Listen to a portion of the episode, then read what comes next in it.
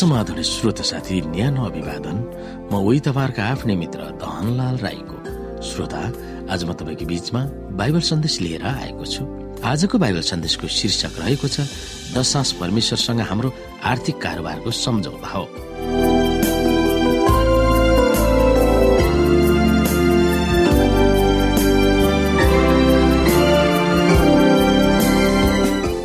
श्रोत साथी दशांश दिने मामिलामा र हाम्रो सम्बन्ध परमेश्वरको बीचमा धेरै नजिक आत्मिक सम्बन्ध छ। जब इजरायलीहरूले परमेश्वरको आज्ञा पालना गरे र इमान्दारी साथ दशांश दिए तब तिनीहरूको उन्नति राम्रो भएको थियो। तिनीहरू सम्पन्न भएका थिए। त्यसको विपरीत जब तिनीहरूले ती दुई कुराहरूमा चुके तब तिनीहरू कठिन परिस्थितिमा गुज्रनु परेको थियो। तिनीहरूको जीवनको श्रृङ्खला यसरी गुज्रिएको हामी देख्छौँ। जब तिनीहरूले परमेश्वरका आज्ञाहरू पालन गरे तब तिनीहरूको उन्नति भएको थियो तर जब तिनीहरूले परमेश्वरप्रति विश्वासघात गरे वा उहाँका आदेशहरू पालना गरेन तब तिनीहरूमा समस्या र अवोन्नति भएको थियो। इजरायलीहरूको परमेश्वरसँगको सम्बन्धमा तलमाथि भएको बेलामा वा परमेश्वरलाई विश्वासघात गरेको बेलामा परमेश्वरले उहाँका अगमवक्ता मलाकीबाट आफ्ना जनहरूसँग द्विपक्षीय सम्झौता गर्नुभएको थियो। हामीले मलाकी तीन अध्यायको सातदेखि एघारलाई हेर्यौँ भने यहाँ उल्लेख गरिएका प्रतिज्ञाहरू के के छन् र ती प्रतिज्ञाहरूको उपभोग गर्न इजरायलीहरूको के जिम्मेवारी छ? हामी हेर्न सक्छौ। तिमीहरूका पिता पुर्खाको समयदेखि नै तिमीहरू मेरा उर्दीहरूदेखि तर्केर गएका छौ र ती तिमीहरूले पालन गरेका छैनौ। मतिर फर्क र म तिमीहरूतिर फर्कनेछु। सर्वशक्तिमान परमप्रभु भन्नुहुन्छ। तर तिमीहरू त सोध्छौ हामी कसरी फर्कौ? के कुनै मानिसले परमेश्वरलाई लुट्छ र तापनि तिमीहरू मलाई लुट्दछौ तर तिमीहरू सोध्छौ कसरी हामीले तपाईँलाई लुट्यौ र। दशासको भेटीमा शराब परेर तिमीहरू श्रापित भयो किनकि तिमीहरूले मलाई लुटिरहेका छौ। तिमीहरू सम्पूर्ण जातिले सम्पूर्ण दशास ढुकुटीमा ल्याऊ ताकि मेरो घरमा भोजन रहोस् यसमा मलाई जाँचेर हेर सर्वशक्तिमान परमप्रभु भन्नुहुन्छ। म स्वर्गका ढोकाहरू उघारेर पर्याप्त ठाउँ पनि नहुने सम्मका आशिष तिमीहरूमाथि वर्षाउँछु वा वर्षाउँदिन। सर्वशक्तिमान परमप्रभु भन्नुहुन्छ। म तिमीहरूका अन्न बाली स्वा पार्ने रोग निको पारिदिनेछु र तिमीहरूका बारीमा भएका दागका बोटका फलहरू झर्ने छैनन्। सर्वशक्तिमान परमप्रभु भन्नुहुन्छ। श्रोता यदि मानिसहरू परमेश्वरतिर फर्क्यो भने उहाँ पनि तिनीहरूतिर फर्कनु हुनेछ भनेर परमेश्वरले तिनीहरूलाई प्रतिज्ञा गर्नुभएको थियो। उहाँतिर फर्कनु भनेको के हो भनेर जब तिनीहरूले उहाँसँग सोधे तब उहाँले स्पष्टसँग यो बताउनु भयो दशांश र भेटी नदिएर मलाई लुट्नबाट रोक। परमेश्वरसँग तिनीहरूले लुटिरहेको वा ठगिरहेकोले नै तिनीहरूमा अनेकौं श्रापहरू आएका हुन्। श्रापबाट बच्न परमेश्वरको समाधान यो छ तिमीहरूको सबै दशास वा पुरै दशास मेरो ढोकटीमा ल्याऊ। यदि तिमीले यो काम गर्यो भने म तिमीहरूको निम्ति स्वर्गका झ्यालहरू खोलिदिनेछु। तिमीहरूलाई यतिका आशिषहरू वर्षाइदिनेछु कि तिमीहरूको भण्डारमा राख्ने ठाउँ पनि हुने छैन। यदि परमेश्वरको पाएको प्रशस्त आशिष राख्ने ठाउँ हामीमा छैन भने उब्रेका आशिषहरू अरूहरूलाई सहायता गर्न र परमेश्वरको कामको निम्ति प्रगति गर्न सहयोग गर्न सक्छौ। जुन परमेश्वरले तपाईँको निम्ति एकमात्र पुत्र मर्नलाई दिनुभयो उहाँले तपाईँसँग करार वा सम्झौता गर्नुभएको छ।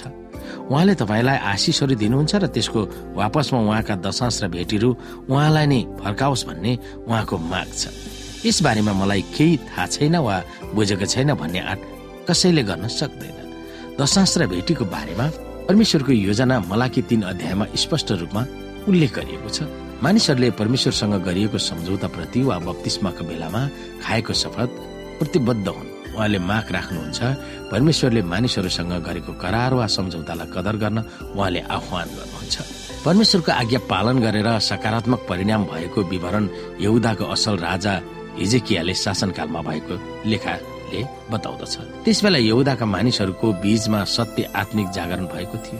मानिसहरूले दशांश र भेटीहरू विश्वास साथ मन्दिरको भण्डारमा ल्याउन थालेका थिए।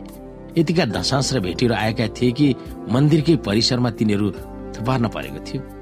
हामीलाई दुई इतिहास एकतिस अध्यायको दुईदेखि पन्ध्रले यस मामिलामा यसरी बताउँदछ कि जब त्यसपछि हिजिकियाले पुजारीहरू र लिबीहरूलाई दल दल गरी होमबली र मेलबली चढाउन सेवा गर्न धन्यवाद दिन र परमप्रभुको मन्दिरमा ढोकाहरूमा दशांश प्रशंसा गर्न आफ्ना विशेष कामहरू हरेकलाई खटाइदिए। राजाले आफ्नै भण्डारबाट बिहान र बेलुका होमबलीका निम्ति अनि सावत औँसी र तोकिएका चाडहरूका निम्ति परमप्रभुको व्यवस्थामा लेखिए बमोजिम जुटाइदिए। पुजारीहरू र लेबीहरू परमप्रभुको व्यवस्थामा नै लागिरहन् भनेर राजाले रिस्लेममा बस्ने मानिसहरूलाई तिनीहरूले दिनुपर्ने भाग जुटाइदिउन् भनी हुकुम गरे। राजाको हुकुम इसरायलीहरूलाई दिने बित्तिकै तिनीहरूले आफ्ना अन्न नयाँ दाखमा तेल मह र जमिनका सबै उब्जनीका अगौटे फल दिए। तिनीहरूले प्रशस्त मात्रामा थोकको पुरा दशास ल्याए। यहुदाका सहरमा बस्ने इजरायलीहरू र यहुदीहरूले पनि गाई वस्तुको दशास अनि परमप्रभु तिनीहरूका परमेश्वरमा अर्पण गरिएको सबै थोकको दशास ल्याएर थुपारे। तिनीहरूले तेस्रो महिनामा थुपार्न सुरु गरे र सातौं महिनामा सिद्ध्याए। हिजिकिया र तिनका अधिकारीहरू आएर ती थुपारिएका कुरा देख्दा तिनीहरूले परमप्रभु र उहाँको प्रजा इजरायललाई धन्यवाद दिए। यी थुपारिएका कुराहरूको विषयमा हिजिकियाले पुजारीहरू र लेबीहरूसित सोधपुछ गरे। चादकको वंशका प्रधान पुजारी अजरियाले जवाफ दिए मानिसहरूले परमप्रभुको मन्दिरमा आफ्नो आफ्नो भेटी ल्याएको समयदेखि यसो हामीहरूलाई खानाका निम्ति प्रशस्त भयो अनि उब्रेका पनि छन्। किनभने परमप्रभुले उहाँको प्रजालाई यति धेरै आशिष दिनु भएको छ। तब हिजिकियाले परमप्रभुको मन्दिरमा भण्डारहरू तयार गर्न हुकुम गरे र ती तयार गरिए।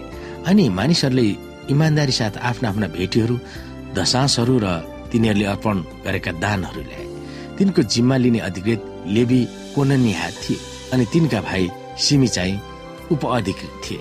राजा हिजिकिया र परमेश्वरको मन्दिरका अधिकारी अजरियाले कोननिहा र तिनका भाइ सिमीलाई सहायता गर्न एहियल अजजिहा नहत समा असाहेल एरिमोत योजाबाद एलिएल मिक्समक्याह महत र बनाहरूलाई नियुक्त गरेका थिए। परमप्रभुलाई दिएका थोकहरू र अर्पण गरिएका दानहरू बाँड्न परमेश्वरको निम्ति ल्याएका राजी खुसीका भेटीहरू लेबी यिनका छोरा पूर्व ढोकाबाट द्वारपाल कोरेको जिम्मामा थिए। दल दल अनुसार ठुला साना सङ्घी पुजारीहरूलाई ठिक ठिक हिस्सा बाँड्न पुजारीहरूका सहरहरूमा अदन मिन्यामिन इसु समाया अमरियाह र सकन्याले कोरेलाई इमान्दारी साथ सहायता गरे। श्रोता अन्तिममा तपाईँले दशांश दिँदा वा नदिँदा तपाईँको आत्मिक जीवन र परमेश्वरसँगको सम्बन्धको बारेमा के बताउँदछ ती कुराहरू सोच्न सक्नुहुन्छ।